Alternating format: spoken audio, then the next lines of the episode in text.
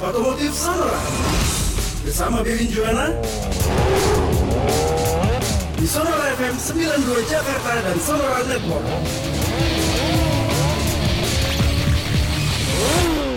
Sonora 92 FM Jakarta News Traffic and Music. Salam Sonora kita ketemu lagi di Klinik Otomotif Sonora Dan pagi hari ini sudah ada Bapak Bebin Juana Yang akan bercerita mungkin Pak soal kondisi uh, banjir yang juga berdampak ke kendaraan Khususnya uh, mobil dan juga motor Pak. Pagi ini terasa sendu. Langit sudah gelap lagi Kelabu. Ini yang bikin kita galau. Mengingat kejadian di awal tahun rasanya tragis sekali. Dan saya merasa ini banjir yang dialami oleh sebagian dari saudara-saudara kita ini banjir yang terbesar. Iya kalau saya rasakan, mungkin saya salah, tapi itu yang saya rasakan karena eh saya belum pernah melihat banjir di Jakarta yang ada videonya mobil sampai hanyut. Ini dalam kaitan eh, apa program kita klinik otomotif Sonora. Iya. Saya melihat awalnya sebuah BMW putih ngambang. Saya bilang, waduh, BMW itu jelas seri 3 itu di atas satu setengah ton, bisa ngambang gitu ya. Seperti apa aliran Kuatnya.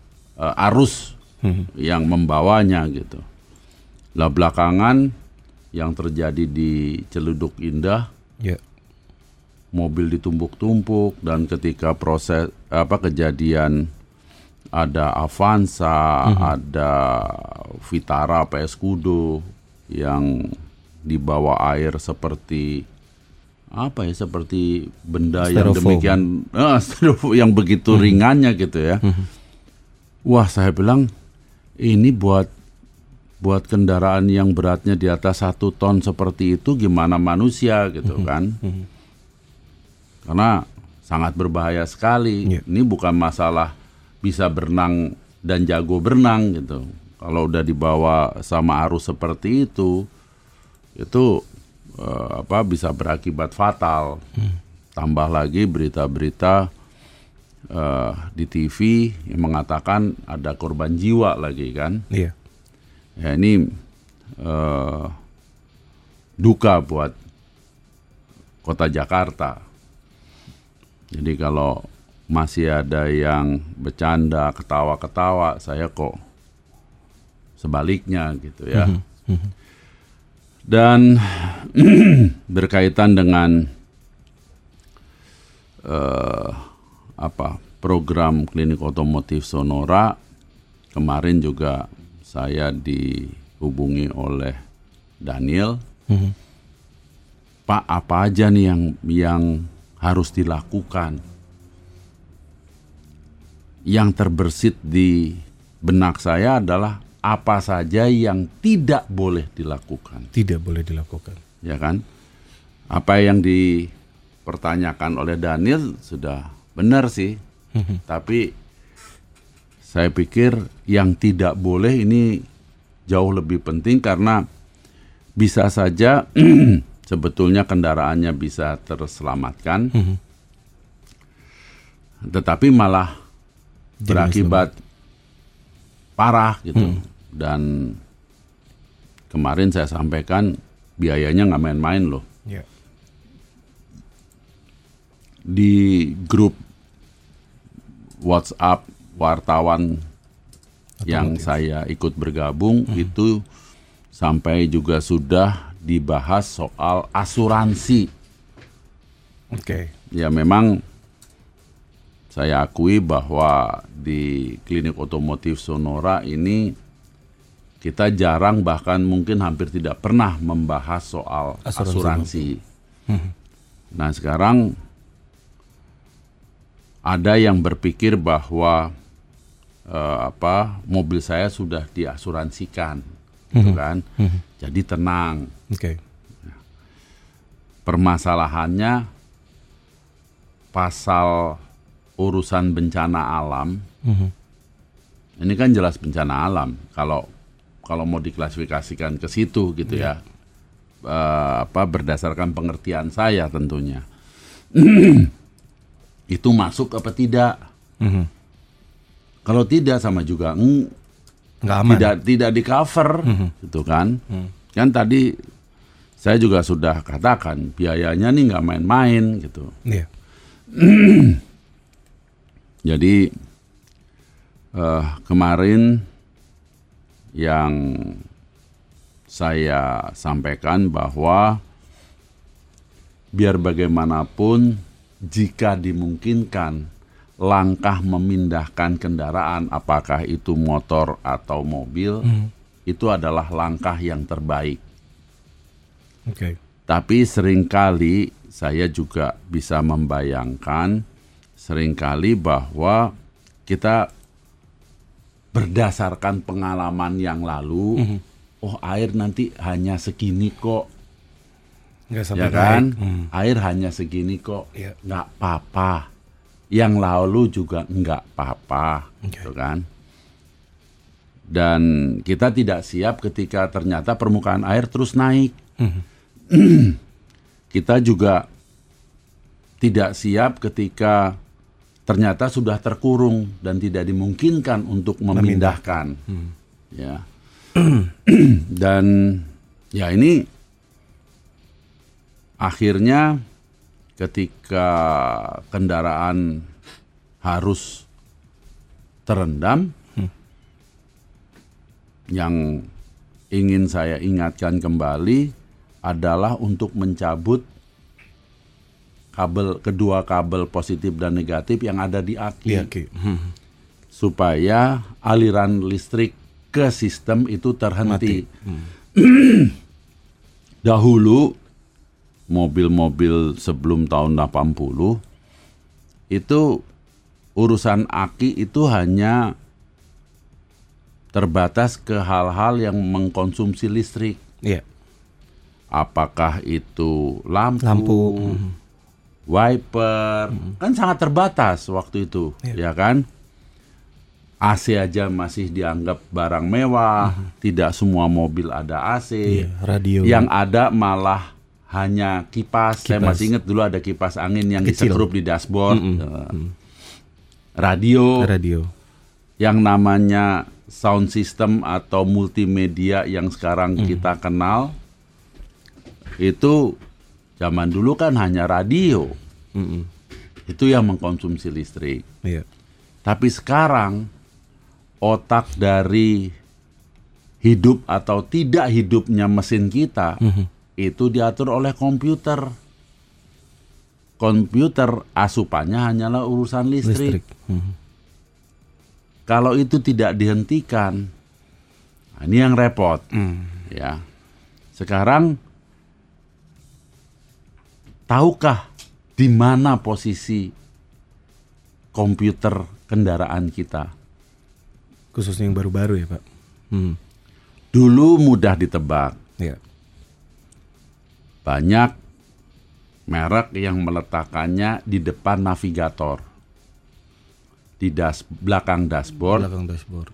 di depan navigator, di sebelah kiri karena kendaraan kita kan mobil setir, Setir kanan. kanan, hmm. Nah, di sebelah kiri. gitu. Tapi sekarang saya cermati kok banyak yang ditaruh di ruang mesin, Waduh. ya kan? Dalam hati nih saya ya kenapa taruh di situ? Hmm. Satu, ruang mesin itu kan suhunya panas. Panas. Hmm. Ya mungkin saja dengan teknologi yang ada sekarang eh, sudah mampu menahan suhu ruang mesin. Nah ini yang saya pikir, oh ya mungkin, gitu ya. Yang kedua, kan lebih rawan terhadap air. Oke.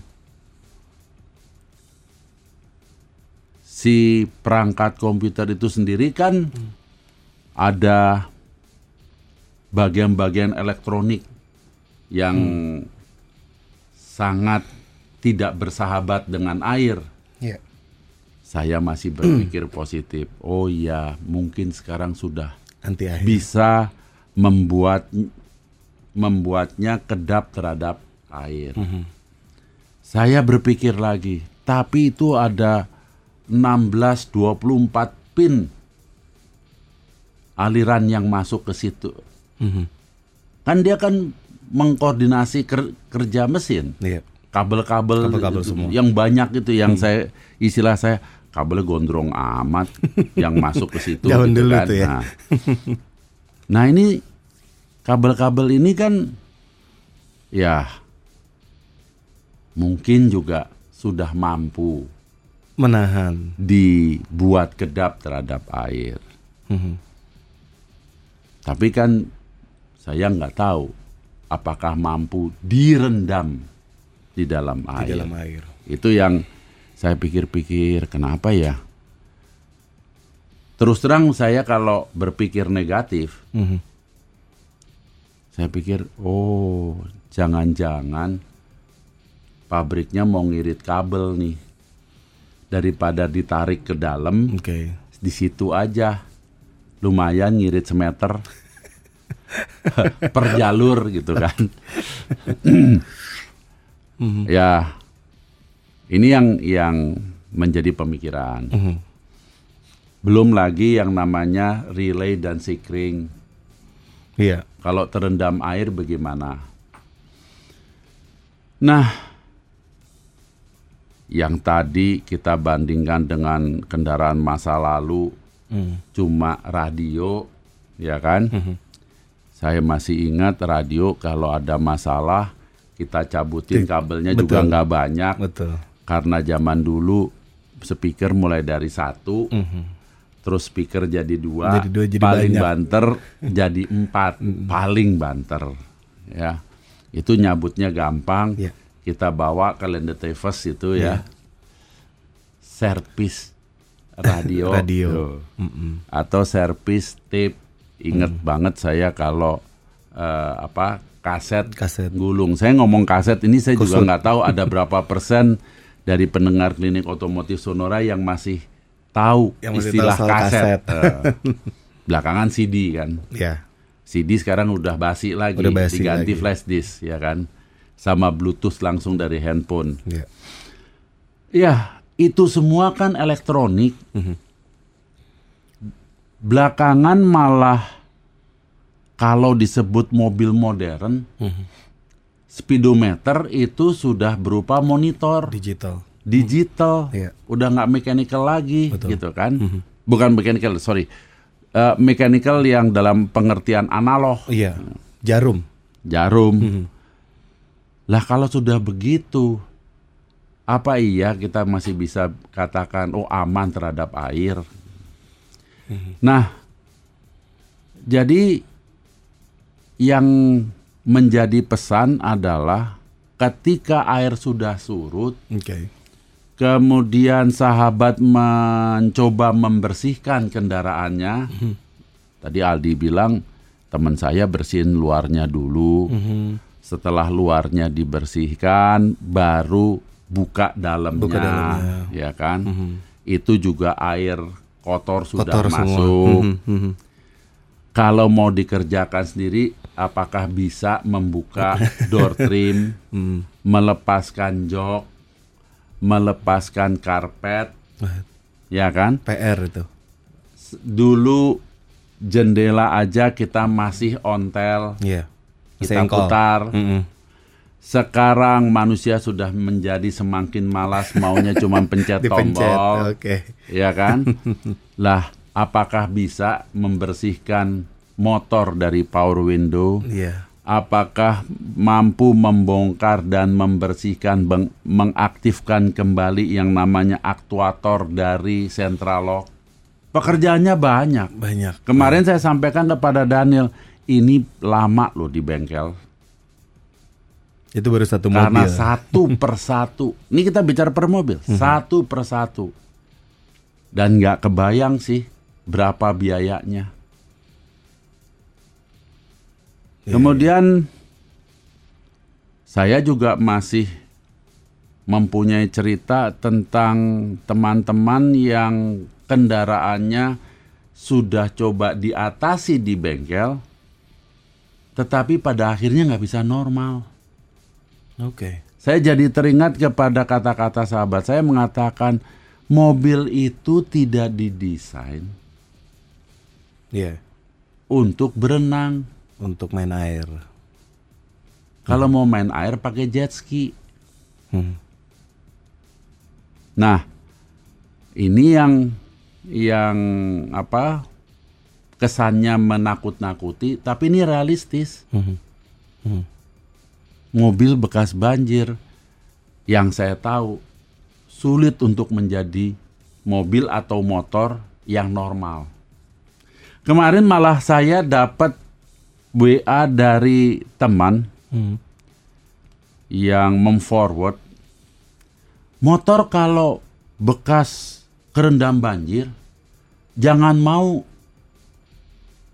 kalau diusulkan oleh bengkel untuk turun mesin itu mau cari duit doang saya dalam hati Terus oh gimana?" ada benar terus diajarin Oke.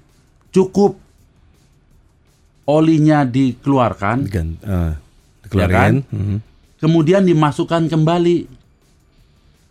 Kemudian coba di seperti di start tapi bukan untuk menghidupkan mesin.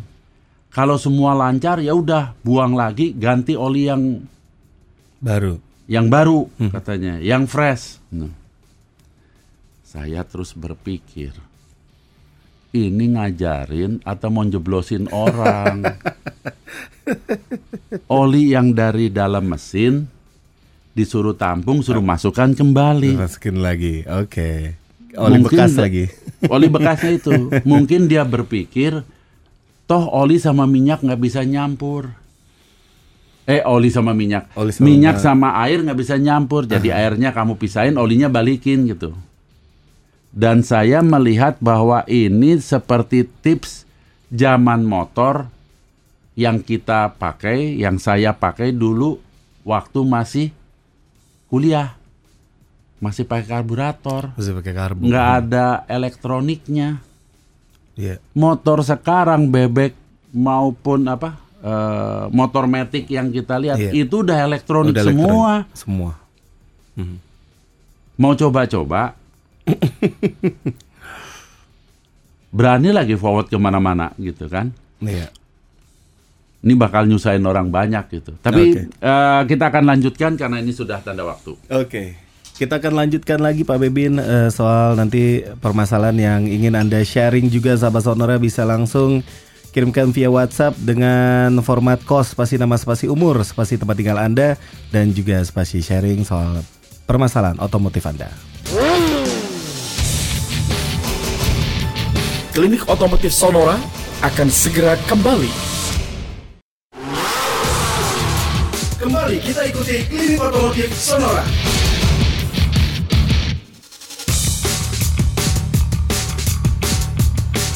Sonora 92 FM Jakarta News Traffic and Music kita masih ada di Klinik Otomotif Sonora. Pak Bebin sudah ada WhatsApp yang masuk di pagi hari ini.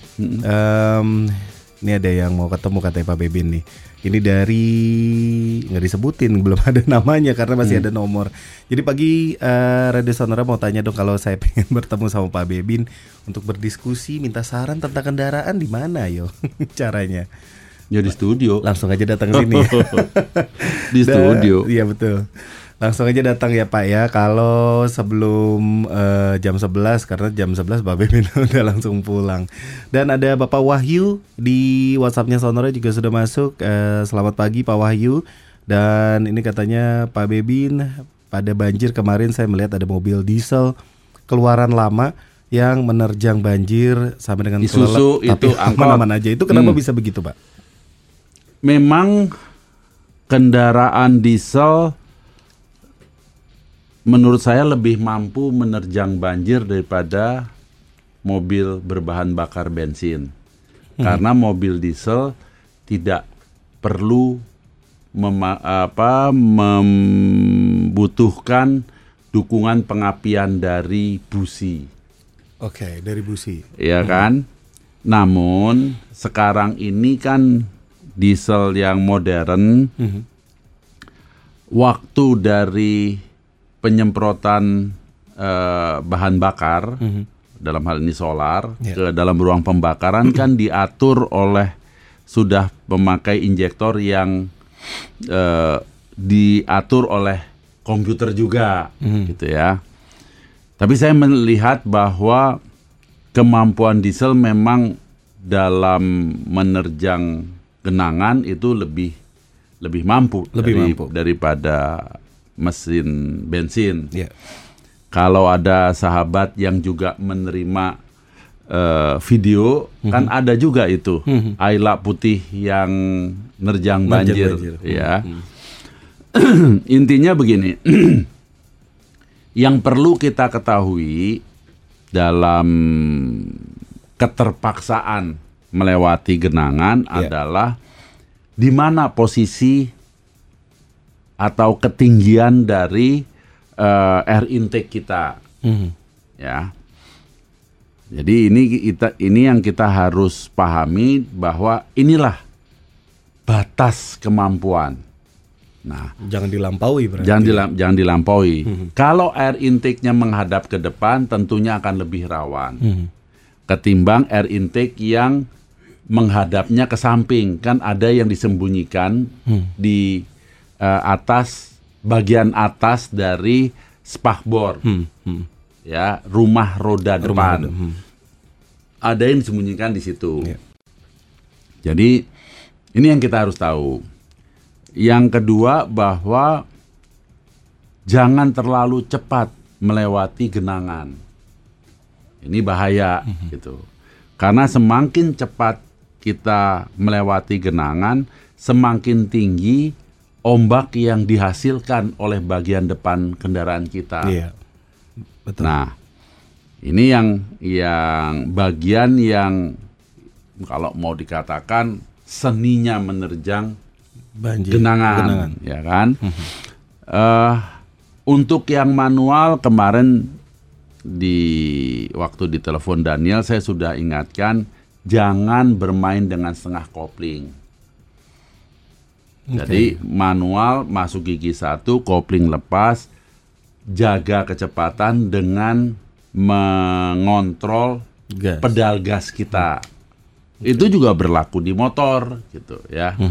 Cuman di motor ini kan ketika kita sudah mengetahui batas air intake dari apa filter udara dan sudah terlalu dekat, risiko itu menurut saya sebaiknya dihilangkan dengan mematikan mesin. Jadi lebih baik kalau Didorong. motor diteng-teng aja gitu ya, dituntun saja gitu. Daripada kita berusaha eh, apa menerjang genangan terus eh, airnya masuk ke ke dalam mesin.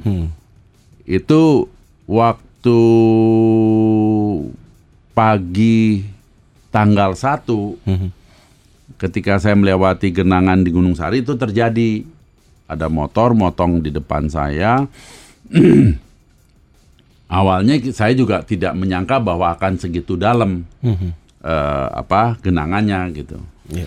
Ternyata makin lama makin dalam kan. Nah, kesalahan dari motor yang tadi di depan saya itu adalah dia bermain dengan gas. Oh, dimainin ya. Where, where, where, where, where, ya, where, where, where, where, where, nggak sampai satu menit. Kalau udah bermain dengan itu, karena Masuk. begitu knalpot terendam dan bermain dengan gas, bukan mempertahankan gas. Beda lo ya, mempertahankan gas berarti Anda mungkin menjaga di 1000, 2000 Konstan. RPM gitu ya, konstan gitu. Selama mesin hidup, air nggak akan masuk ke knalpot, mau direndam kayak apa pun. Tapi kalau bermain wear, wear, wear, wear, itu ada kemungkinan untuk terhisapnya. Jadi eh, di situlah kalau kita mau tahu pembuktian soal eh, apa teknik atau bukan teknik lah, apa ya istilahnya ya. Pengetahuan tentang back pressure dari knalpot. Knalpot. Hmm. Di situ kita bisa buktikan bahwa ketika gas kita tutup itu tekanan seperti berbalik, Nyedot ya. nyedot air malahan gitu ya. Ya, ya pada akhirnya itu motor ya mesinnya saya lihat ya terus saya tinggalkan sih daripada saya juga lama-lama merhatiin dia doang gitu ya. Eh itu yang penting gitu. Oke. Jadi Anda harus tahu eh, di mana eh, batasan air intake Anda dan jaga kecepatan setelah melewati genangan panaskan rem Oke. ya kan dengan cara menginjak Menginjak. eh, rem setengah. Kalau di motor juga sama, eh, s- seperti setengah ngerem, seperti mengurangi kecepatan, gitu kan, supaya eh, brake pad dan brake shoe itu menjadi kering sup- eh, dan kembali berjalan normal. Oke. Ada Adam di Lampung, Pak Bebin. Eh, ini mau nanya eh, kalau mobil hybrid melewati atau terkena banjir komponen apa yang harus diperhatikan lebih utama? Apakah baterai atau yang lain? Nah, lebih aman eh, mana mobil internal combustion engine atau mesin konvensional dengan hybrid dan juga mobil listrik? Saya lihat mobil listrik ya, itu konektor eh itu soal waterproofnya luar biasa. Saya perhatikan konektor apa sambungan-sambungannya ya, termasuk yang di baterai. Berarti udah ketutup Biasanya- semua tuh. Hmm. Yang saya eh, terus terang tidak tahu adalah sampai seberapa seberapa apa ya? Seberapa banyak air yang bisa Ketahan. ditahan Hmm. oleh motornya. Motor listrik, Oke. baterai dan komponen eh, pengendalinya saya lihat Sudah terlindungi. lumayan eh, apa ya karena sekarang udah canggih tuh sistem membuat kedap terhadap airnya. Tapi motornya nih motor listriknya ini mungkin eh, ya satu saat kalau kita dapat kesempatan bisa apa di pameran internasional saya coba tanyakan kepada eh, industri yang yang sudah masuk ke situ. Iya, dengan motor listriknya ya. Iya. Mm-mm. Industri dengan kalau hanya cipratan tadi melewati genangan, rasanya sih Masih itu ketutup, sudah ya? sudah sangat diperhitungkan oleh oleh mereka gitu ya. Oke. Tapi kalau sampai direndam, Lama. beda loh ya. Mhm. Jadi eh, kan sama begini. Ketika mobil masih berjalan, Mhm. kemungkinan air masuk ke dalam itu kan masih kecil Mhm. Ke- dibanding dengan mobil yang diam, kemudian permukaan air yang naik. Yang naik, ya. Oke. Pak Bibin ada Bapak Subianto yang ingin sharing juga ada yang bilang Pak itu mobil pada berenang karena ada angin di bannya Pak. Kalau bannya kempes kemungkinan nggak berenang. Sih, Pak? Eh, saya nggak yakin angin yang ada di ban mampu mengangkat badan Mobil. Seteng- satu setengah ton Mhm. atau satu ton lah anggap yang apa nih BMW. LCGC Oh, LCGC ah, ini ah, kan satu ton lah paling beratnya gitu ya Iya. saya terus terang nggak yakin yang saya yakini satu ketika masih ada udara Mhm. di dalam ruang penumpang Mhm. karena pada titik tertentu udara itu seperti terjebak terjebak di dalam Iya. tidak semuanya eh, terisi oleh air di dalam ruang penumpang. Mhm. Nah, sisa udara yang terjebak itulah. Jadi seperti contohnya eh, ketika eh, apa saya terkejut melihat eh, kembali ke BMW putih Yang putih. yang Hmm. yang ngambang itu tuh Mhm. awalnya saya berpikir ih satu setengah ton mungkin mendekati 1,8 ton ngambang Kok bisa gitu ngambang kan ya? itu udah nggak mungkin lah karena ban lah gitu ya Hmm. tapi setelah saya lihat berulang-ulang, wih, ini berarti sistem kedapnya yang top nih. Hmm. Mm-mm, mm-mm. Udara yang terjebak Nggak di keluar. dalam yang nggak keluar-keluar. Itu yang akan mengangkat, yang mampu mengangkat si badan mobil, bukan angin yang ada di keempat ban. Terlalu terbatas. Terlalu terbatas. Oke. Mm-mm. Ada juga yang bilang em, pada saat diterjang banjir khususnya yang diem gitu Pak atau yang yang nggak sempat dipindahin itu jangan em, menggunakan rem tangan. Oh iya, Mhm. Itu betul sekali karena eh kalau kita mencuci mobil masih ingat nggak kalau kita pulang kerja mungkin nggak terlalu malam jam 7 jam 8 masih sempat nyuci Cuci mobil. mobil. Mhm. Besok paginya aja ada kesan macet dari Lengket. rem lengket Iya, dari iya, iya, iya, rem iya. parkir kita Iya. yang tadi Aldi bilang sebagai rem tangan. Mhm. Bisa dibayangkan kalau itu tadi air bersih kan, Mm-mm. nyuci mobil. Kalau air lumpur, ya kan? Waduh. Kalau tadi istilah lengket, Mhm. ini mungkin akan sulit sekali untuk melepaskannya, Mhm. Iya. ya, karena air lumpur dan jelas ketika air surut nggak ngurus mobil dulu kan, Betul. ngurus Rumah rumah, dulu. dulu, iya, Iya. dengan segala perabotannya. Iya. Ya. Berarti mobil adalah urusan kesekian, Iya. prioritas yang kesekian. Iya. Nah, kalau udah sekian lama, wah itu lengket seadanya. Rem depan aja yang tidak difungsikan, Iya. Itu udah pasti kan lengket ya. rem parkir kan urusannya di belakang, Hmm, ya. yang di depan aja itu lengketnya nggak karu-karuan, gimana yang di belakang? Oke. Itu kenapa eh, harus di eh, tidak menggunakan rem tangan Pak Beben? Iya tadi rem depan saja yang tidak difungsikan Hmm.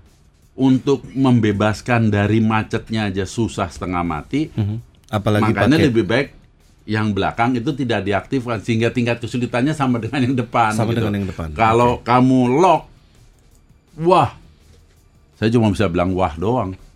udah mau dibawa ke bengkel juga akan susah kan karena Susah ngelok sekali. semua. Oke. Empat roda ngelock itu susah sekali. Oke. Oke. Ada Bapak Binsar, selamat pagi Pak Bebin dan Sonora ini eh, maaf kalau tidak sesuai topik ya. Hmm, nggak apa-apa, saya nggak pengguna saya pengguna mobil Matic, apakah on off overdrive ini bisa dilakukan pada kondisi kecepatan tinggi atau RPM tinggi? Boleh. Memang eh, tombol overdrive itu Mhm. eh, apa didesain sedemikian rupa seperti layaknya kendaraan manual memindahkan gigi dari 4 ke 5. Hmm. Cuman kalau didesain transmisi Anda misalnya hanya 4 kecepatan itu berarti seperti memindahkan dari gigi 3 ke gigi 4 Ke gigi 4. atau sebaliknya. Iya. Anda ingin mi, ingin apa eh, engine brake pencet itu sehingga OD off Hmm. itu seperti memindahkan dari 4 ke 3 nggak ada masalah. nggak ada masalah ya. Oke, Pak Bebin kalau dilihat dari kondisi banjir yang kemarin gitu, ada perbedaan eh, tingkat kerusakan gak sih antara mobil matic dengan mobil eh, manual biasa? Kayak misalnya sistem manual dan juga biasa yang kan rata-rata orang tuh eh, ketakutan karena kemarin itu water hammer. Water hammer terjadi di ruang pembakaran. Di ruang pembakaran. Ya kan? Mhm. Ini pertanyaan yang sulit dijawab ya. Eh, kan sebetulnya casing dari transmisi itu kan casing tertutup, apalagi matic, Apalagi matic. ya kan? Aha. Tetapi ketika sudah direndam seperti itu dan direndamnya bukan urusan menit, Hmm. berjam-jam bahkan mungkin sampai dua hari, Mhm. Sil-sil penahan itu apakah ia masih mampu? Kalau di manual yang pernah saya lihat sendiri adalah yang menyedihkan melihat koplingnya karena kopling kan tanda kutip telanjang Iya. Oke. terhadap eh, apa eh, air lumpur ini gitu ya Hmm. lengkap dengan eh, cover clutch-nya lengkap dengan Satu bearing depan ya. belakangnya. Iya. Itu kan boleh dibilang sangat apa terbuka menghadapi ini dan dan apa ya rata-rata sih udah buang nggak ada yang bisa dipakai lagi gitu. Nah kalau ditanya parah mana, kalau sampai air masuk ke transmisi metik itu parah, Parah lebih parmetik. parah. Karena yang manual itu kan semua serba mechanical. Kalau sampai toh air tembus masuk, ya kan, yang dikhawatirkan adalah bearing atau laher dari setiap gigi. Setiap gigi. Oke. Setiap gigi itu kan punya bearing, bearing jarum namanya, yang modelnya kayak jarum gitu ya. Bearing utamanya depan dan belakang, itu main bearing, eh, main bearing shaft gitu. Itu masih ya memang dilindungi oleh seal, tapi kan tadi kalau direndam airnya berhari-hari apa yang nggak masuk gitu pada akhirnya. Nah kalau dikatakan apa tingkat kerusakan lebih mengerikan yang metik sih. Matic. Oke. Pak Bibin sebelum kita eh, jeda ada satu pertanyaan lagi yang Dua juga boleh. Dua juga boleh. Oke. Maaf Pak Bibin, ma- saya mau tanya ini saya memakai truk diesel berapa kilometer untuk mengganti filter oli dan juga filter solar bawah dan juga atas dan filter udaranya Pak. Nah untuk truk apa aja? eh, untuk truk ini apakah bisa pakai oli yang SAE-nya ini 15 sampai dengan 40? Aduh, Ini pertanyaan kedua. Dan yang ketiga jangan jangan jangan itu di- langsung dijawab 1540 udah out of the question lah. Oke jangan ya Pak ya. Hmm. Dan yang ketiga adalah kenapa truk eh, CDE ini yang saya pakai lebih cepat habis ban roda belakang. Apakah beban dari yang dibawa? Beban udah pasti, Mhm. ya kan? Beban udah pasti. Di truk itu yang sangat tidak diperhatikan, Mhm. itu pasti shock absorber. Pasti. Sorbernya yang Di truk yang sangat diperhatikan, nah, terbalikan, sangat diperhatikan adalah pernya. lebih perhatian berkaitan ke dengan nah, lebih perhatian ke per daripada ke shock absorber. Mhm. Berkaitan dengan apa? Daya angkut. daya angkut tadi ya. Oke. Shock breaker ini jelas anak tiri yang terlantar gitu. Eh, Eh, ya ada. Kalau ditanya itu kan ada, ada. nggak apa-apa. Tapi berfungsi apa enggak? nggak tahu. Ya, itu dan beban tadi.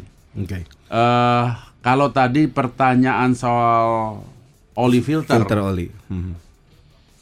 Dulu waktu saya masih bekerja di eh bengkel alat-alat berat di awal karier saya, penggantian oil oli mesin itu saya barengi dengan mengganti filter. Oke. Truk termasuk alat-alat berat yang kami tangani di proyek Hmm. Jeep juga di proyek Oke. itu tiap kali ganti oli oli filter kami Ganti buang filter. ya kalau air filter itu kita melihat kondisi lapangan Hmm. sekarang ini kan kita melihat bahwa kita banyak memanfaatkan eh, jalan tol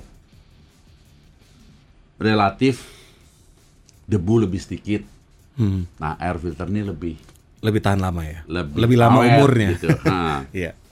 dan apa yang kita lakukan ketika melakukan servis itu air filter pasti kita keluarkan, Oke. kita tiup dari sebelah bagian dalam dengan eh, kompresor. Hmm. Dari situ kita bisa mengukur ini masih mumpuni nggak sih, gitu Iya. ya. Seberapa kotor ya? Se- eh, bukan hanya seberapa kotor, seberapa bisa tembusnya Tembus. Oke. udara. Oke. Pak Bibi nanti kita akan lanjutin lagi karena masih ada banyak pertanyaan yang sudah masuk ke WhatsApp-nya Sonora dan sahabat Sonora untuk Anda yang juga ingin sharing bisa langsung kirimkan via WhatsApp dengan format kos atau klinik otomotif Sonora, spasi nama, spasi umur, spasi tempat tinggal Anda dan juga spasi permasalahan otomotif Anda. Klinik Otomotif Sonora akan segera kembali. Stay tuned with Sonora, a part of Magentic Network.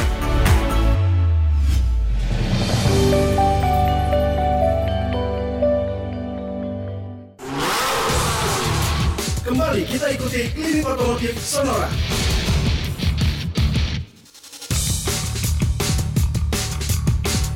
Sonora 92 FM Jakarta News Traffic and Music. Begitu juga untuk teman-teman di jaringan Sonora Network Kita kembali lagi di Klinik Otomotif Sonora.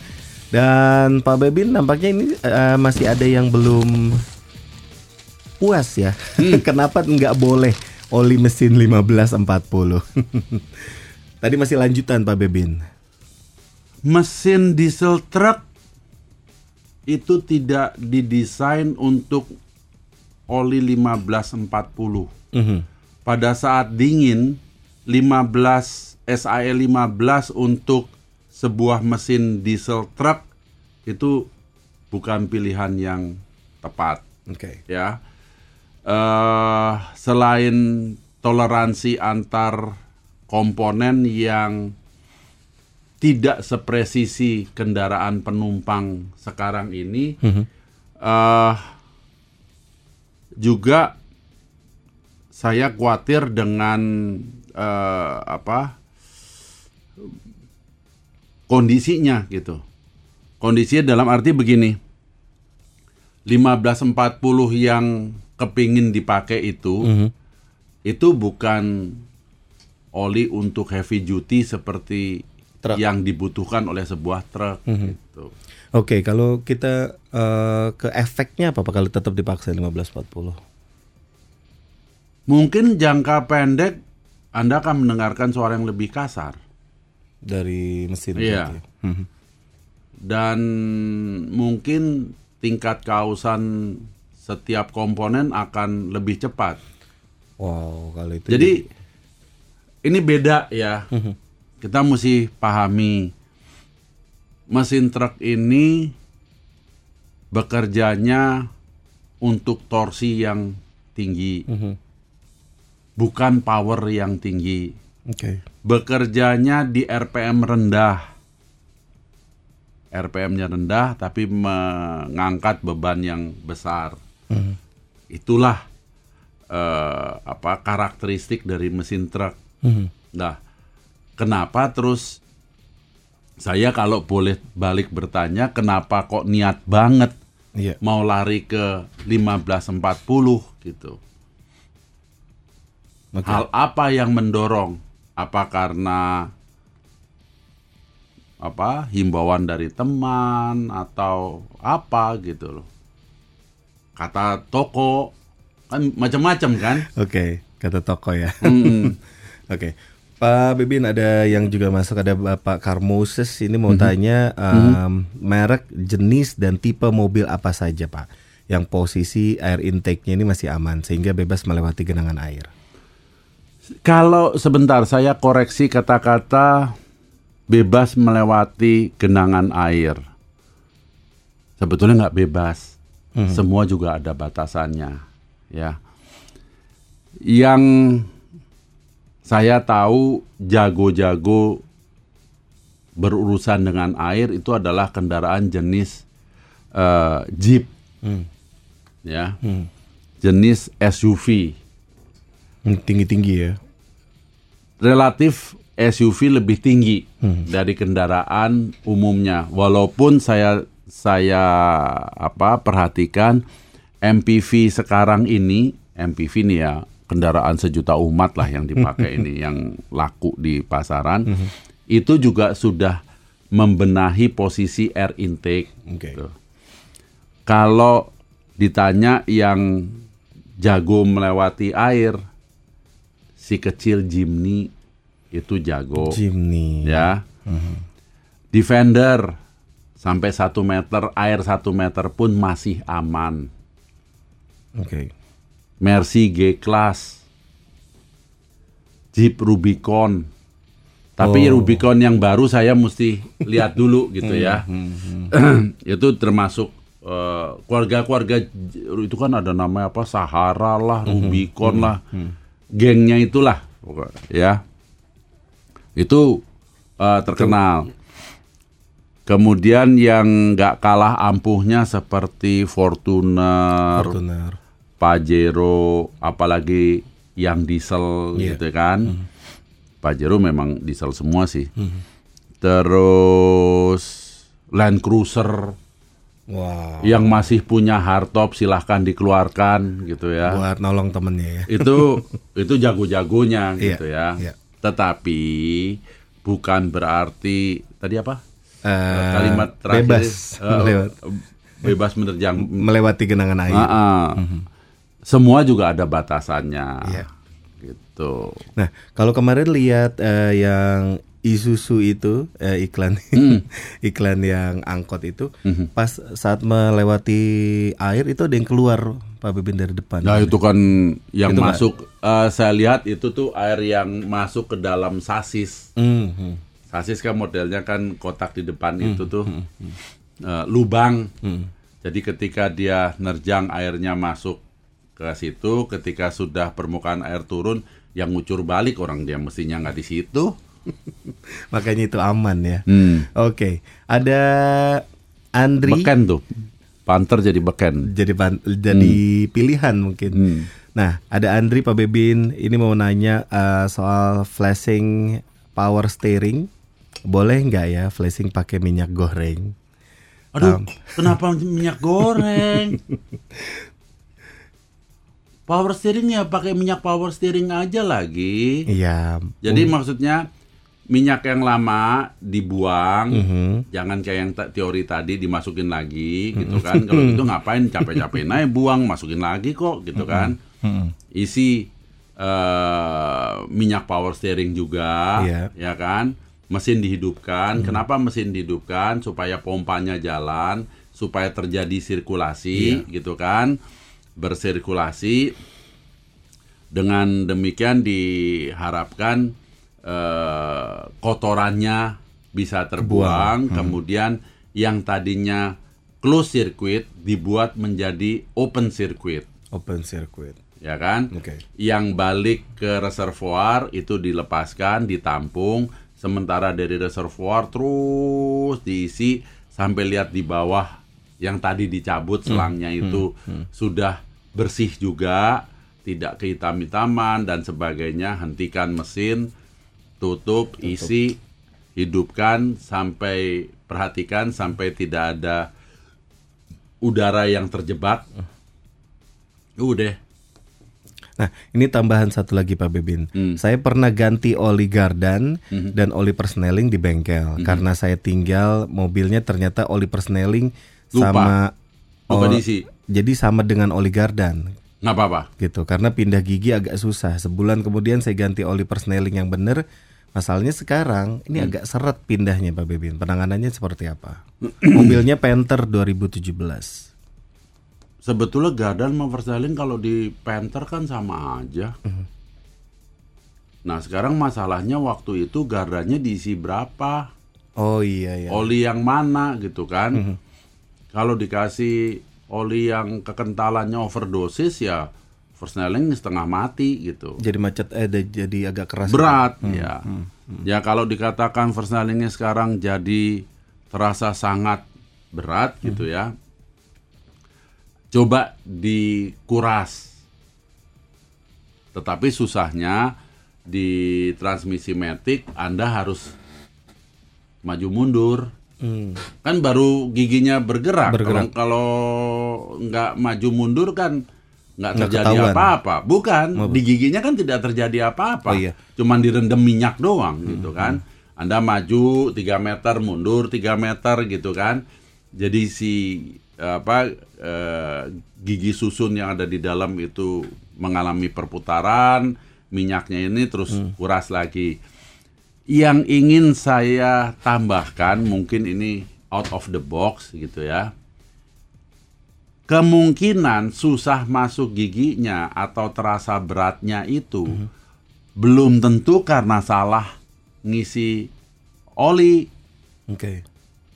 tetapi karena kopling mulai rusak, Wah, PR kedua dong berarti.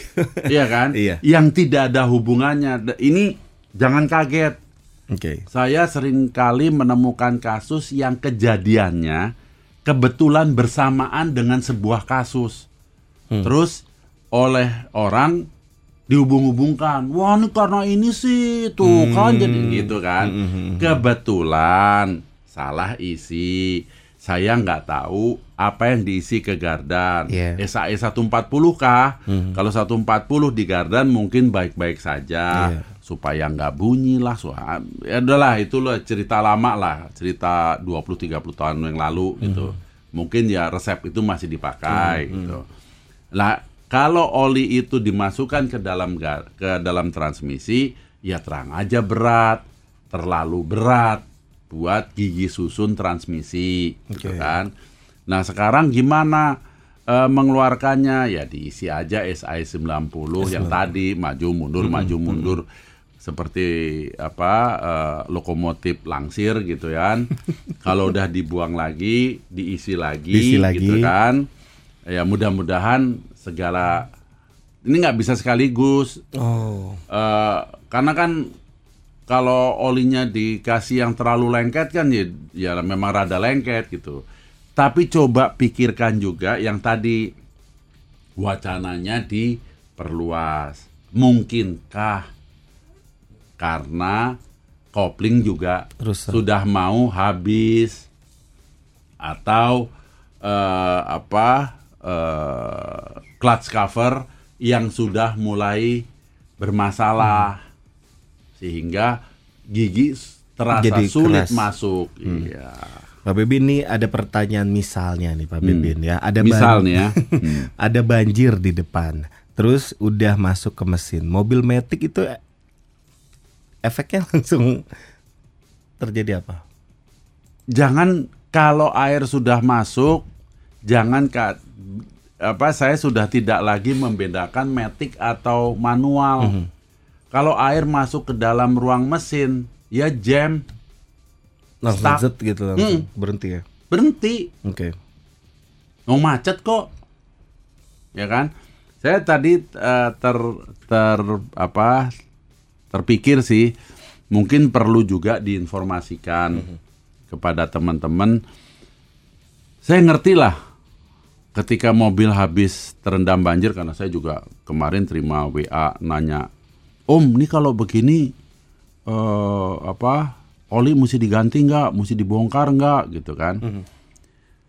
Bagaimana kita mengidentifikasi oli ini udah masuk ke mesin? Mobil terendam nih ya kan? Eh, mobil yang menerjang banjir misalnya. Saya selalu melihat identifikasinya itu lewat colokan oli mesin. Oli mesin kan ada colokannya buat ngecek Buat ngecek ya. maksimum minimum itu. Iya. warnanya coklat atau kehitaman, coklat kehitaman seperti normalnya eh, oli yang sudah Pemakaian. dipakai itu atau sudah jadi cappuccino. Ada campuran air Kalau sudah jadi cappuccino berarti air sudah masuk. sudah masuk. Apa yang perlu dilakukan? Segera kuras dan buang filter. Sekali sama filter. Nah, lah kalau mesin sudah kemasukan, biasanya saya nggak mau risiko transmisi dan gardan sekalian saya buang. Emang mesin udah tembus. Iya, itu itu tadi ya. biaya- Emangnya transmisi sama gardan lebih tinggi apa dari mesin gitu kan? Iya, Sehingga lebih aman-aman gitu? Kan enggak. Ngapain ambil risiko? Ganti sekalian. Oke.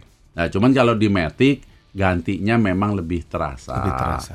Di transmisi manual cuma satu setengah liter, di Matic bisa 8 9 liter.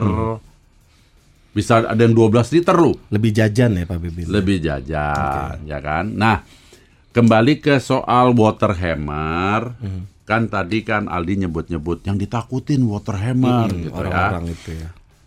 Kalau Anda sedikit-sedikit apa eh, ngerti tentang mesin, baik itu mobil atau motor, ini yang eh, mesin bensin, Iya. ya kan, copot ak- eh, busi, Mhm. busi dicopot, mobil 4 silinder empat empatnya copot, Copot. motor copot busi, coba hidupkan, Di starter gitu ya. nah di starter, supaya apa? Kalau di dalam ruang pembakaran sudah kemasukan air atau sudah ada yang nunggu mau masuk dari belakang klep, itu biar keluar, kan ketendang keluar. Iya, iya. Intinya gini, usahakan menghidupkan mesin tapi tidak terjadi kompresi. Oke. Prinsip dasarnya itu. Oke. Coba hidupkan mesin tapi tidak jadi tidak terjadi kompresi. Itu air akan berhamburan keluar. Iya. Kelihatan banget. Hmm, motor kelihatan. Wah, nyipra mesin mobil lebih kelihatan Mobil- lagi. mobil lebih basah. Empat bi pistonnya empat, yang enam silinder. Iya. Oke. Jangan deket-deket melototinya. Cuci muka itu. Kan biasanya kan di, Oh, di- cuci muka itu dan nggak tahu kan itu air apa gitu ya. Nah, yang susah Mhm. terus terang di mesin diesel kalau mau membuktikan itu, wah nanti terjadi water hammer gitu Mhm. kan, jangan dihidupkan gitu. Kenapa? Kalau di mesin diesel Anda mampu nggak melepaskan injektor? nggak gampang lu ngelepasin injektor Hmm. Harus gitu di bengkel kan. juga. Nah, kalau tidak bisa, jangan. Makanya saya katakan sejak kemarin sama apa kepada Daniel yang menanyakan hal ini, kalau tidak mampu melakukan itu, jangan hidupkan mesin. Udahlah, risikonya terlalu mahal, Hmm. terlalu mahal. Oke. Pak Bebin ini ada yang mau eh, pengakuan ya. Jadi Hmm. mobil bermesin diesel lawas seperti Daihatsu TAF ini memang relatif aman Iya. menembus ban- eh, menembus Benar. air, Benar. tetapi tetap dilakukan itu kalau hanya dalam keadaan terpaksa. Yes. Karena memang eh, permasalahannya adalah beresin interior pasca banjir itu sungguh melelahkan melelahkan dan juga baunya Oh, itu biasa. udah pasti. Saya terus terang itu eh, apa sharing yang sangat eh, positif tuh dari sahabat Ada yang Bapak punya. TAF itu ya. Dari Pak Riko. Riko. Terima kasih Pak Riko. Saya terus terang belum pernah melihat sebuah usaha membersihkan interior yang berhasil 100%. pasti ada mendekati Berasa. 90% aja sudah luar biasa menurut saya. Karena eh, apa foam atau kita pakai bahasa yang sehari-hari, sponnya kursi hmm, itu kalau sudah menyerap air busuk kan ini kan bukan disem disemprot air bersih. Ini kan direndam air kali, air lumpur dan sebagainya. Itu membersihkannya bisa mendekati 90%-nya udah luar biasa. masih ada Karpet masih ada bau-bau ya kan? berarti ya. Karpet. Menghilangkan bau. Oh, kemarin ada yang sharing. Eh, katanya suruh kasih kapurit. Kapurit yang si, yang bentuknya bubuk, jangan yang Yang kayak tablet. tablet. Hmm. Bukan yang solid, tapi yang bubuk katanya. Taburkan itu kemudian eh, disiram berulang-ulang dengan air bersih. Kaporit. Oh. Saya itu ada yang kirim ke apa eh, sharing gitu ya. Saya sendiri nggak pernah nyoba gitu. Tapi apakah yang seperti tadi saya katakan bisa mencapai 90% Ya. eh, pencapaiannya itu saya masih ragukan gitu. Nah, ini juga dikasih lihat gambar eh, bukti Mm-mm. bahwa bukti nyata water hammer di Nissan Serena milik kantornya dulu Bapak Riko. Hmm. Jadi tidak sem- eh, tidak murah biayanya habis 14 juta Nah. di bengkel resmi. Nah, Jadi memang tadi seperti eh, Waterhammer itu lihat eh, foto yang dibagikan Pak Riko, orang stang pistonnya bengkok, mm-mm, ya kan? iya. Saya pernah ngalamin, nah sekarang saya ngaku aja deh. Saya pernah ngalamin water hammer yang blok mesinnya bolong. Wow. Mau nyari di mana blok mesin coba? Urusannya sama nomor mesin kan? Iya. Ayo. Oke. Iya kan? Iya. Aldi cuma lihat-lihatan sama saya kalau udah bilang mesin bolong. Jajan. Bolong. Piston keluar. Waduh. Jadi udah nembus boring, boring tau kan silindernya, Tahu. tembus ke dinding blok. Selesai nggak? Hmm. Kalau hanya klep bengkok, stang piston bengkok, Pak Riko sudah bilang 14 juta. Mhm. Kalau blok mesin bolong, Hmm, tampaknya Hmm, harus harga dijadiin- mobil itu? Iya, harus dijadiin eh, tempat foto-foto aja Pak mobil. Pak Bebin habis ini kita lanjut lagi ya Pak Bebin untuk menjawab eh, permasalahan yang sudah masuk ke WhatsApp nih ada banyak banget ternyata yang ingin menanyakan semuanya. Sahabat Sonora untuk Anda yang mungkin ingin sharing kelar ya. Iya, ya. Masih nanti kurang kita- waktunya, kita Pak, ya. Ini. akan kita maksimalkan ya Iya, Pak iya, ya. iya, Oke. Oke, untuk Anda semuanya yang ingin sharing bisa langsung kirimkan dengan format kos, spasi nama, spasi umur, spasi tempat tinggal Anda, dan juga spasi permasalahan otomotif Anda. Stay tuned with Sonora, a part of Magentic Network.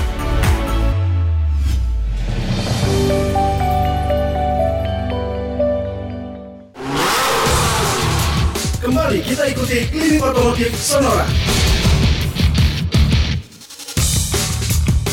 Saudara 92 FM Jakarta News Traffic and Music Klinik Otomotif Sonora sudah kembali lagi untuk Anda Ada dan telepon masuk ya? ada telepon masuk. Untuk siang hari ini selamat siang Selamat siang, dengan Bapak siapa? saya Jurgen. Pak Jurgen boleh langsung saja pertanyaannya ke Pak Bebin.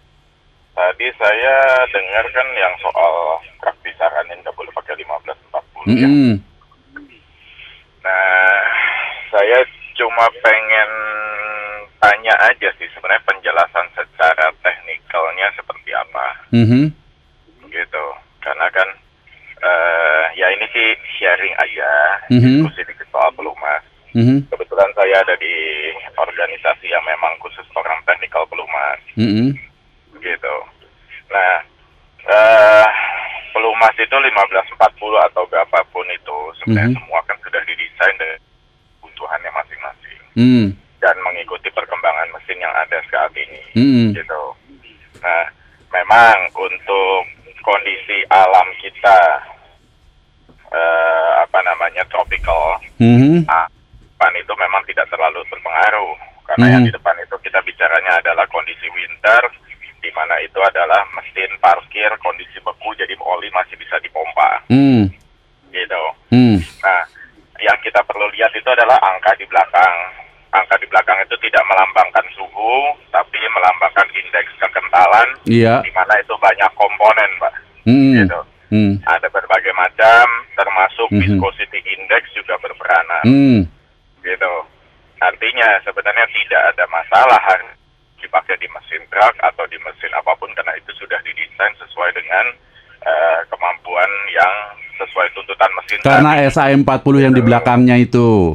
Eh, ya 40 itu gitu loh. Hmm, Jadi hmm. api servis juga berpengaruh Hmm. gitu. Mm. Nah, kita bicara kondisi dingin, terus habis itu tadi kan sempat kalau nggak salah ada eh, info bahwa kalau kondisi dingin juga beresiko ya, gitu Mm. kan. Mm. Suara mesinnya bisa jadi lebih kasar. Mm. Nah, eh sebenarnya suara mau kondisi dingin, kondisi panas yang berperanan itu adalah viscosity index. Semakin tinggi viscosity index, Mm. ya semakin stabil kondisi kental maupun kondisi eh kondisi panas maupun kondisi dingin Mhm. gitu jadi ya saya belum ketemu korelasinya yang benar-benar menjelaskan bahwa kenapa dilarang apa dianjurkan untuk jangan pakai W40 tersebut gitu Jadi menurut eh, Anda bahwa 1540 itu masih aman dipakai di truk? masih Oke. gitu. Kalau gitu eh, terima kasih buat sharingnya. Silakan saja eh, yang punya truk ini sudah ada dari apa yang tergabung dalam organisasi Iya, Bapak Gunawan. Pelumas, heeh, eh, mengatakan aman gitu kan karena tentunya eh, beliau lebih mengerti tentang pelumas daripada saya. Eh, Sementara saya punya pendapat saya tidak berani Hmm. eh, mempergunakannya gitu. Tapi karena beliau eh, melihat bahwa indeks eh, 1540 itu masih aman dipergunakan di mesin truk, ya artinya buat sahabat yang memiliki truk eh, bisa memilih berdasarkan eh, apa tadi penjelasan dari Pak Gunawan ya. Pak Gunawan. Pak Gunawan. Itu aja Iya. artinya. Terima kasih Pak Gunawan untuk eh, sharingnya di hari ini dan Pak Bebin ini ada yang mau sharing juga Eh, mohon arahannya apa yang harus dilakukan untuk kendaraan pasca banjir terendam di carport kira-kira dua hari satu malam lah seperti yang dikirimin gambarnya. eh kalau melihat kendaraan sudah terendam lebih dari setengah ban seperti itu, yang penting Anda tahu di mana posisi ECU atau ACM kendaraan Anda, ya kan? Sebelum berani menghubungkan kembali aki, kalau memang sudah sempat dilepaskan, tapi kalau belum sempat dilepaskan, ya tentunya banyak hal yang mesti diperiksa. Iya. gitu. Ya banyak hal yang mesti diperiksa. Eh termasuk eh apa namanya? Ya karena kan ada kekhawatiran terjadi hubungan pendek eh terhadap kelistrikan yang ada di bagian bawah itu misalnya. Ada lampu ada apa yang di yang sempat terendam gitu. Jadi eh kalau saya sih melihat foto yang tadi dikirimkan tadinya tidak apa aki belum dilepaskan saya lepaskan dulu gitu kan Iya. walaupun tanda kutip sebetulnya sudah terlambat. Iya, ya karena sudah, udah sudah terlanjur direndam gitu. Eh jadi saya pikir eh setelah itu kemudian langkah yang penting adalah memeriksakan bagian-bagian yang berkaitan dengan listrik di bagian yang kan ada jejak terendamnya gitu. Termasuk tadi yang kita sudah sampaikan eh, memeriksa kondisi olinya, Oli, oli iya. mesinnya. Adakah eh, kemungkinan air sudah masuk?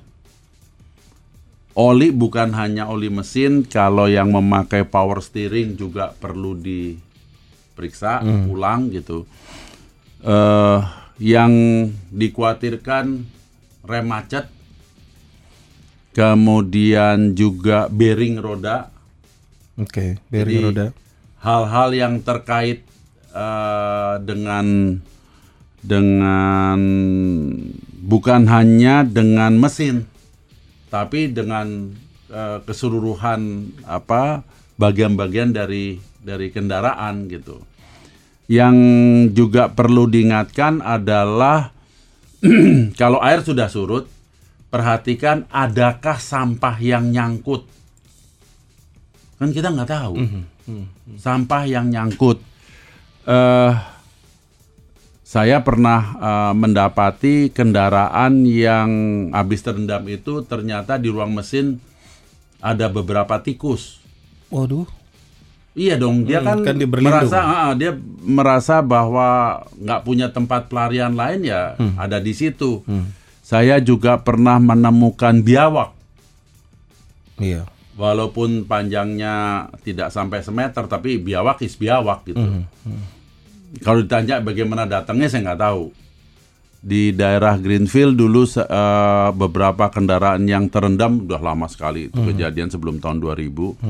Itu eh, beberapa ular Oke. Wow. eh, apa apa beristirahat di atas eh, filter udara. Iya, karena dia Ya. butuh yang hangat-hangat. Jadi eh, memang urusan kendaraan terendam ini sering kali kita menemukan hal-hal yang tidak terduga gitu. Oke. Berarti eh, banyak ya PR-nya ya. Karena memang Banyak, udah kerendam banyak, banyak, banyak. satu- Karena itu kalau udah terendam kayak gitu Dua kan satu dikatakan dua hari gitu ya. Eh, karena ya tentunya menyelamatkan diri terlebih dahulu, Iya. mobil ditinggalkan. Eh, ada yang sempat diganjel, maksudnya biar lebih tinggi.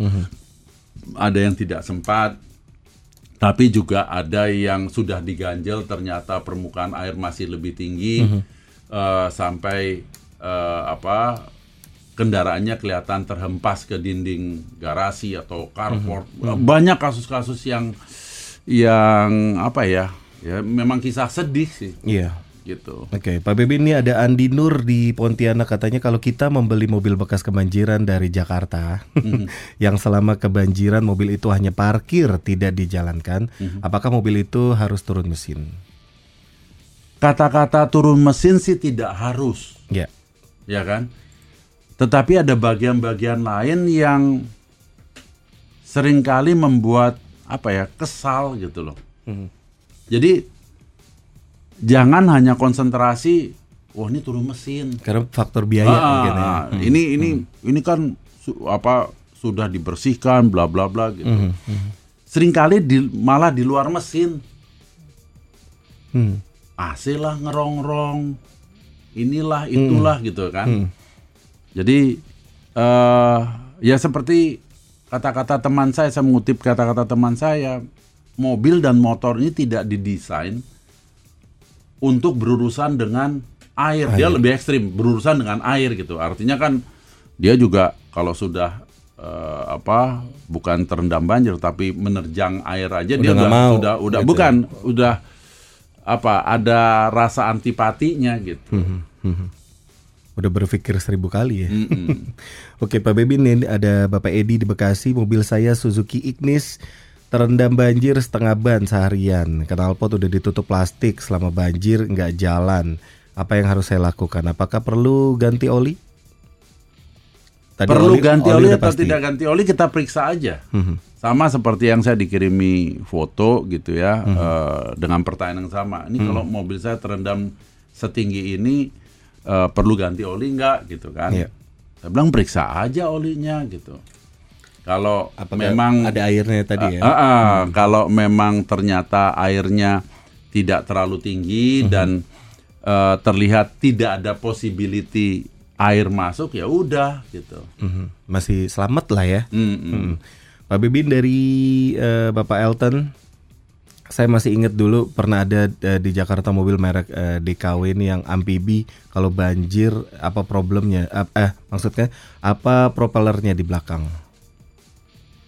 Ada pro, ada propeller. Jadi Oh iya, amfibi. Iya, iya, yang pernah- pernah nerjang, lihat. yang nerjang kan. ah, ah, Hmm, ah. hmm. Malah eh, saya kan kemarin juga dikirimi ada eh, teknologi baru Hmm. gitu ya. Itu kan model ada propellernya, ada eh, di dalam eh, apa ruang penumpang ada penumpang. pompa airnya. Jadi kalau Keluar. ada air yang masuk terus dipompa keluar gitu. Yang mobil amfibi baru malah teknologinya tuh memakai teknologi seperti jet ski. Jadi air dihisap, Keluar. didorongkan Keluar, ke- eh, di belakang gitu ya. Eh, ada semacam apa eh, pompa yang mendorong keluar air yang dihisap di bawah gitu. Eh, ya memang tapi aduh saya membayangkan bahwa kendaraan seperti itu kan dipa- dipakai diuji coba itu ada yang di laut, ada yang di danau. Di danau. Dalam konteks airnya kan relatif lebih bersih. Bersih lah gitu kan. Lah kalau di tempat banjir Anda mau bermain dengan itu gitu. Kecuali yang model lama tadi ya, yang hanya propeller eh, apa eh, kipas ditaruh di belakang di connect ke mesin atau gardannya. Lah kalau yang model hisap dan dorong, saya kemarin juga Nyangkut. be- bercanda sama temen, emang berani pakai di tempat lagi banjir. Satu, karena soal kotoran yang kemungkinan besar di- dihisap oleh eh, sistem. Yang kedua, kalau melihat arusnya seperti itu, nah ini kan tadi saya ceritakan kalau melihat videonya kan dicobanya di danau, di laut aja di saya perhatikan laut nggak tahu itu teluk atau apa gitu ya, yang nggak besar arusnya. Lah kalau ngelihat banjir kemarin yang arusnya sedemikian derasnya apa kuat gitu kan? Iya. Maksudnya kuat eh melawan menyeberangi arus lah, jangan bilang ngelawan arus lah. Gitu ya. Oke. Kita lanjut ke pertanyaan berikutnya ada Yaso, Bapak Yaso di Bekasi. Mobil saya R3 2016. Setiap pagi saya eh, starter mobil atau eh, saat satu hari tidak dinyalakan RPM saya perhatikan selalu naik ke 1500 sampai dengan 1800. Hmm. Kira-kira 30 detik setelah itu normal 800 sampai dengan 1000. Apakah aman untuk menjalankan mobil saat RPM tinggi Pak? Apakah eh, naiknya RPM itu ada mekanisme mobil untuk eh, sirkulasi oli? Loh, kalau RPM naik ya tentu sirkulasi akan naik dong kan itu di, dihubungkan dengan pompa olinya gitu kan. Nah terus tadi kalau- Jadi apakah aman menjalankan mobil saat RPM masih tinggi? Nggak ada masalah. Tidak- asal RPM tidak berlebihan.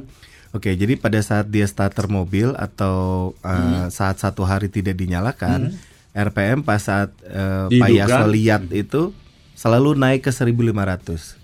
Ya itu seperti ininya kan, Ah, seperti 1800. idle up-nya kan. Mm-mm. Tapi 30 detik kemudian dia turun. Berarti masih normal ya? Normal. Oke. Nggak apa-apa. Oke. Dan ada Bapak Erik di Pangkal Pinang Bangka mau tanya Pak Bebin kenapa di eh, kenapa yang perpindahan gigi mobil Avanza 2017 dari gigi 1 ke gigi 2 itu agak keras ya.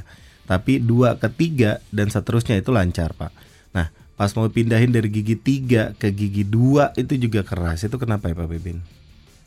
Ada masalah di sinkromes gigi duanya? Berarti dua yang bermasalah nih ya. Mm-mm. Duanya ya. Oke, so- soalnya satu kedua keras, dua ketiga aman, tiga Dia kedua. kembali ke dua lagi. Oh, Nah, sinkromes gigi tiga, eh, gigi duanya dong. Oke. Ada ada apa sinkron sinkromes itu kan melakukan sinkronisasi Hmm. perpindahan gigi kan. Nah, itu yang yang kesannya seperti bermasalah gitu. Oke. Oke, eh, pertanyaan berikutnya dari Pak Bro di Bogor. Eh, mobil saya masih setia Nissan Evalia 2013. Mm. Bermaksud ganti oli jenis eh, ECO ini green SAE-nya 5W30 dan selama ini pakai oli bawaan Nissan dengan SAE 5W30 yang sama. Pertanyaannya, apakah ada efek baik atau buruk terhadap mesin? Kan cuma ganti merek. Cuman kan Kan nggak merubah spek. Iya. Iya kan? Iya. Kalau ganti merek ya nggak apa-apa. Tetap Yang penting 530 ya? Api servisnya nyampe nggak? Itu aja.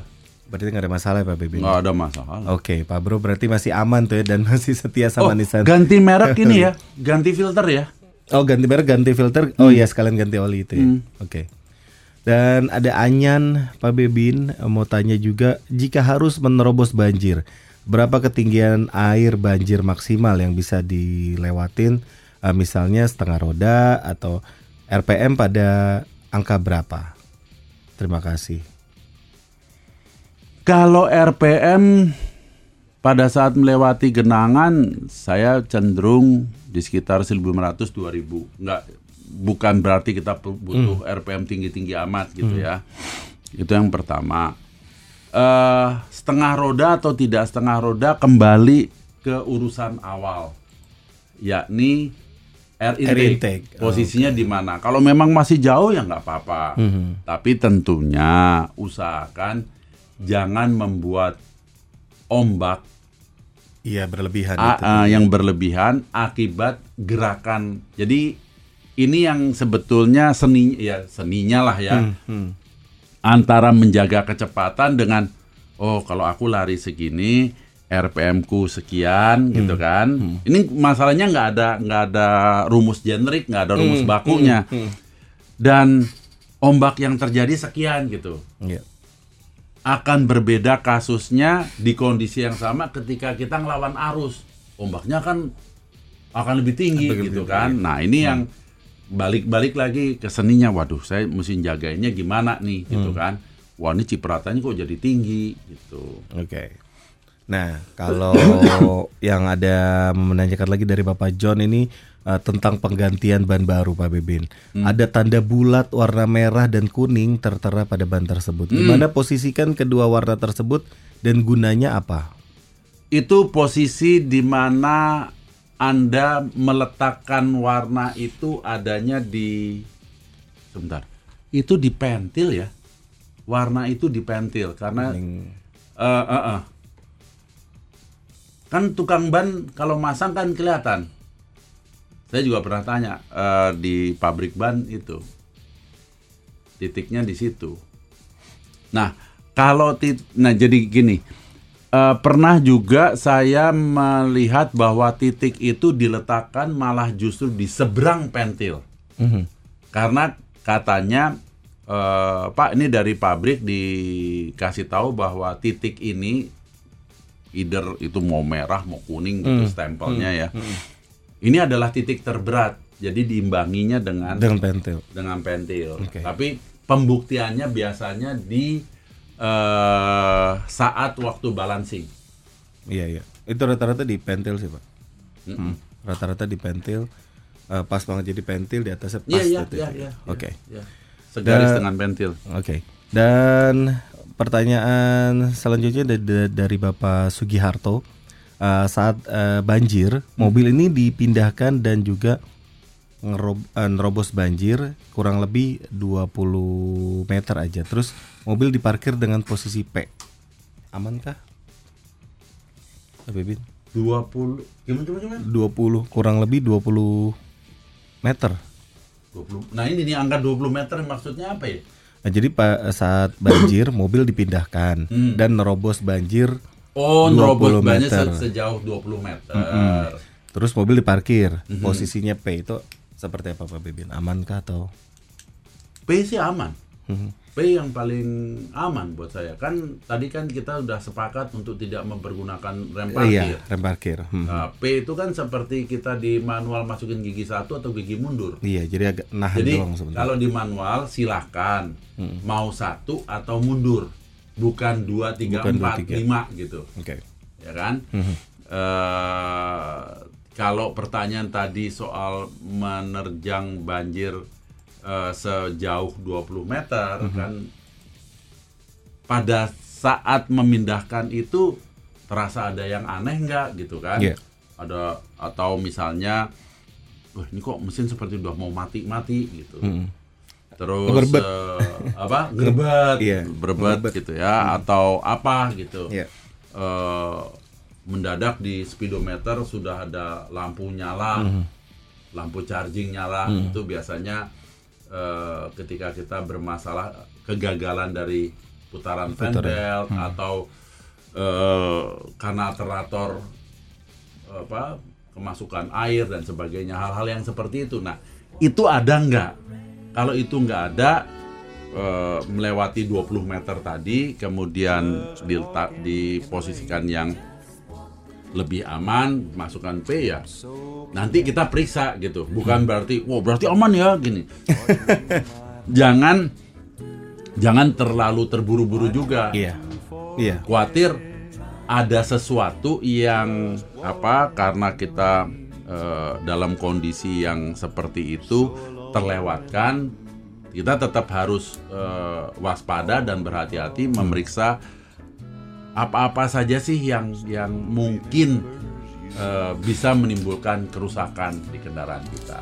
Oke, Pak Bebin pesan eh, untuk yang terdampak banjir khusus sahabat eh, Sonora yang saat ini terkena Iya, yang kendaraannya terendam eh pesannya yang sudah apa ya, yang sudah pasti adalah jangan terburu-buru untuk menghidupkan mesin. Saya tahu rasa penasaran akan sangat eh, mengganggu. nyala gak nih? Nyala nggak nih? Nah, Iya. Itu udah pasti. Mau itu motor, mau itu mobil, itu udah pasti. Hmm. Mesinku hidup nggak nih ya? Gitu ya. Berlakulah bijak dalam kondisi yang seperti itu dengan eh, tidak emosional, dengan kepala dingin, eh, melakukan hal-hal yang sifatnya preventif. Iya. Ya tadi eh, di motor Iya. eh, busi dibuka, ada air masuk apa enggak. Sekarang ini bukan hanya itu. Ingat motor pun sekarang punya SIM. SIM. Iya kan? Tahu nggak SIM-nya di mana? Mungkin nggak menjangkau tempat itu untuk paling tidak ngintip. Mhm. Ini ada bekas basah nggak ya? Termas bukan hanya kotak SIM-nya, tetapi kabel yang masuk itu, Iya. Iya. ya kan? Karena air. eh, kabel sekian banyak itu tuh ada ini nggak? Kalau oh nggak, nggak nggak terendam air atau nggak kemasukan air. Hal-hal yang seperti itu, itu juga berlaku di eh, mobil tadi yang sudah kirim foto eh, mobil yang terendam dua hari gitu ya. Eh, coba perhatikan juga hal-hal yang sama. Eh, rumah sikring, Iya. rumah relay, basah atau kering sih gitu ya. Eh, dimungkinkan nggak untuk melakukan dikeringkan dulu gitu. Kalau itu kita tidak pahami, lebih baik jangan ambil risiko. Eh, saya sudah beberapa kali mendapat WhatsApp dari teman-teman dari merek-merek yang menyediakan eh, apa jasa eh, derek. Eh, ya lebih baik keluar uang sedikit ketimbang eh, biaya besar yang yang menanti kalau sampai kita salah langkah Salah langkah, dengan menghidupkan mesin. Saya tidak mengatakan bahwa tiap kali menghidupkan mesin adalah salah, tetapi kan ada langkah-langkah sebelumnya supaya tidak tidak terjadi kerusakan pada saat usaha kita menghidupkan mesin. Iya, terima kasih Pak Bebin untuk semua jawabannya yang diberikan untuk hari ini dan itu tadi sahabat saudara untuk anda yang terdampak banjir khususnya untuk anda yang punya eh, kendaraan mobil maupun motor jangan tergelitik untuk eh, mencoba menyalakan mesin terlebih dahulu ya Pak Bebin ya. Terima kasih untuk anda semuanya yang ikut berpartisipasi semua WhatsAppnya sudah terjawab tuntas untuk hari ini. Kita akan ketemu lagi di Klinik Otomotif Sonora bersama Bapak Beben Juana di minggu depan.